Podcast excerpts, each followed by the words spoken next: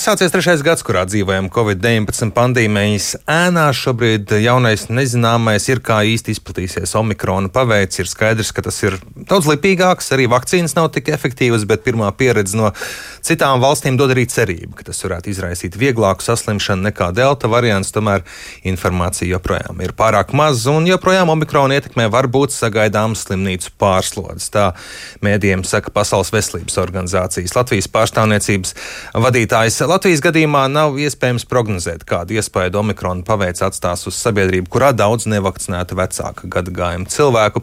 Rīgas Stradiņu Universitātes Sabiedrības veselības institūta direktore Nāda Čīvīta Urtāna, līdzīgi kā citi eksperti, saka, ka šādos apstākļos nav pamata, epidemioloģiska pamata, kādai varētu atvieglot Covid-19 ierobežošanas pasākumus. To valdībai iesaka arī veselības ministrija. Un šodien valdības koalīcijas sēdē, bet ceturtdien valdības sēdē ir plānots spriest, ko darīt tālāk pēc 11. Janvāra. Vai pagarināt Covid-19 dēļ izsludināto ārkārtējo situāciju vai nē.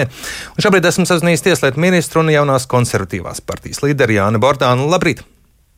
Labrīt. Operatīvās vadības grupas sēdes protokols liecina, ka veselības ministrija rekomendēja ārkārtējo situāciju pagarināt par vismaz trim vai četrām nedēļām. Kāda ir jaunās konservatīvās partijas pozīcija šajā jautājumā? Jāpagarina vai nē? Šeit eh, mums ir vispirms jāsaprot uh, tas fons, uh, kādā uh, pašlaik atrodas Latvijas iedzīvotāji.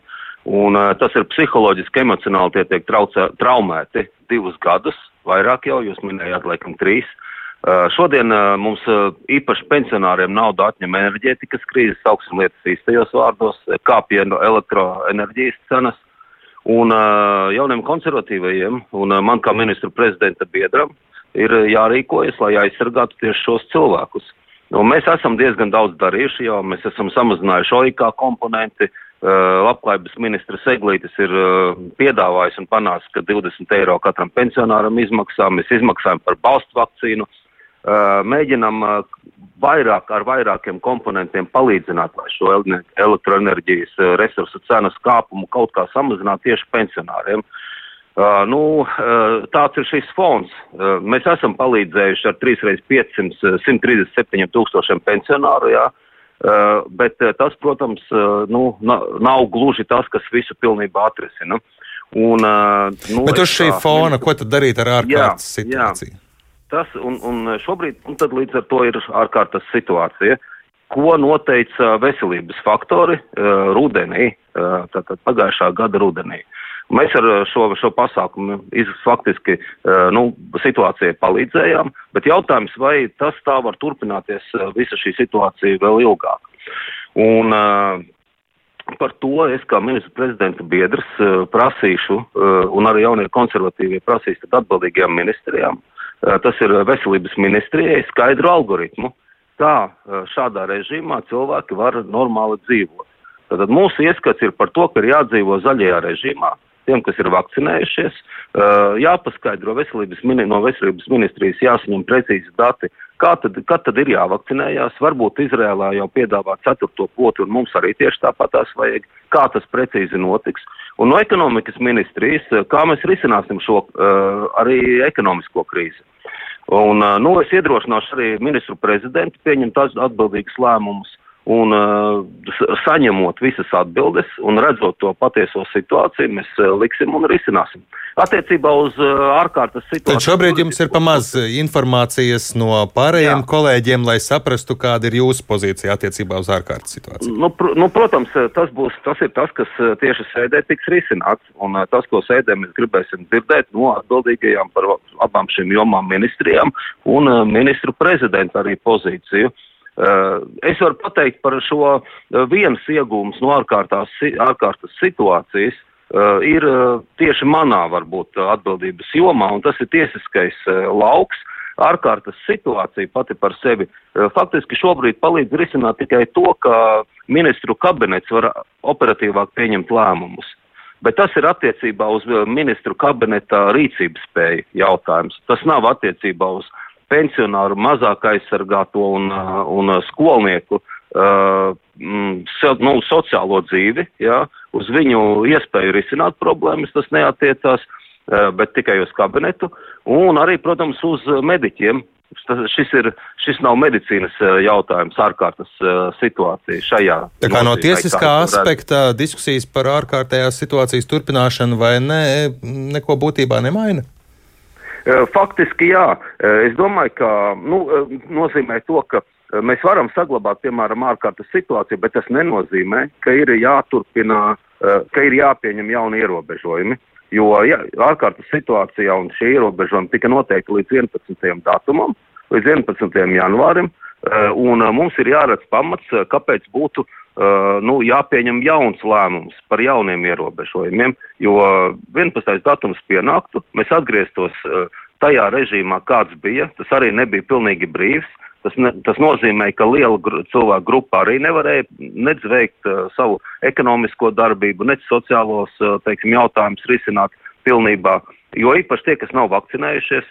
Jā, tā kā šajā ziņā vēl, uh, nu, teiksim, sava veida tāda cilvēku sadalījums un diskriminācija paliek. Uh, un, kā es minēju, ekonomiskie jautājumi arī, mēs viņus nevaram vienkārši ignorēt. Nu, tāpēc, eh, bet priekš tam ir mums atbildīgie ministri, kuri var skaidri pateikt, kā viņi šo krīzi gatavi ir risināt. Un jūs kā nodalāt šo atbildības jomu, ka tā ir vairāk viņu, nevis valdības kopēja. Tas, ir, ne, tas, tas vispār tikai tā var darboties valdība. Es uh, saprotu to tā. Nu, tiešām esmu šajā brīdī arī uh, man ir atbildība būt ministra prezidenta biedram un, eh, un redzēt, eh, katram ir jāizpilda savs darbs, un tad tikai mēs varēsim pieņemt kopīgi skaidri paustu lēmumu. Jo neviens jau cilvēks nevar iedziļināties tiesiskajos jautājumos, viņam nav laika, teiksim, citam ministram nav laika ar šiem lietām nodarboties. Par to atbildēs un par šo, šiem jautājumiem ziņos viennozīmīgais. Bet tas, kas attiecas uz veselības ministriju, uz ekonomikas ministriju, tur ir eh, atbildīgie ministri, viņi kompetenti var eh, sniegt savu redzējumu. Jā, jūs jau minējāt, ka sabiedrība aizvien vairāk nogurs no ierobežojumiem, un uh, arī sinerģijā ar cenu kāpumu pieaug arī neapmierinātība ar uh, valdības darbu, vainojot to tajā. Sabiedrības noskaņojums, valdības popularitātes reitingi ietekmē jūsu vai valdības kopīgos lēmumus?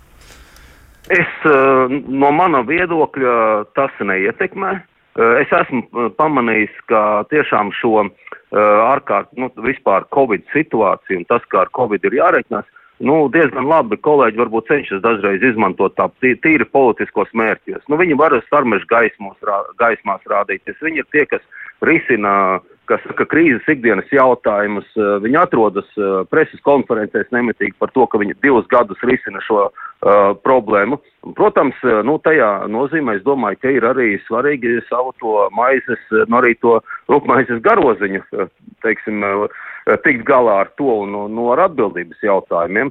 Un par to, kā tiek katrs jautājums šajās nozarēs risināts, nu, tas ir arī jādod Tas, ko es nevienu reizi neesmu pieņēmis lēmumu skatoties uz uh, tikai uh, nu, reitingu jautājumiem, bet tas, ka es esmu skatījies uz īpaši mazāk aizsargāto un vidējā slāņa cilvēku teiksim, interesēm, tas viennozīmīgi. Valdībā Protams, vienprātība ir iespējama par ārkārtējo situāciju runājot pavisam īsi. Nu, vienprātība, ir iespēja, vienprātība ir iespējama Puķina režīmā un, un vēl kaut kādos autoritāros režīmos, kuri vēl sliktāk situācijas risina, kuri daudz sliktāk risina arī, arī Covid situācijas.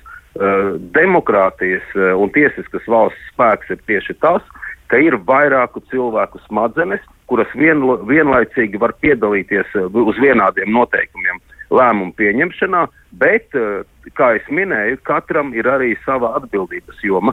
Un tāpat tās arī cilvēkiem ir jāuzņemas atbildība. Nu, pieņemsim, vai viņi uh, vakcinējas vai nevakcinējas, vai viņi ievēro uz darbu ejot uh, tos piesardzības pasākumus vai neievēro. Un te ir arī katra individuāla atbildība. Bet es vēlreiz teicu, pensionāri uh, nu, vai seniori un tie cilvēki, kam ir jāiet uz darbu un jānopelna savu iztika, viņi daudz ko nevar izdarīt ja viņiem ir uzlikti ierobežojumi, kas bieži vien eh, var būt arī nesaprātīgi gadīties. Un tāpēc mums ir ļoti rūpīgi jāizsver, kuri ir nu, teiksim, minimums ierobežojumi, kas ir iespējams. Mēs nedrīkstam vēl arī jums līdz šiem lēmumus, šiem lēmumiem tikt. nodrošinātos. Jā. Liels paldies Jā. jums par sarunu šorīt. Tieslietu ministrs jaunās konservatīvās partijas līderis Jānis Bordāns ar mums sarunājās.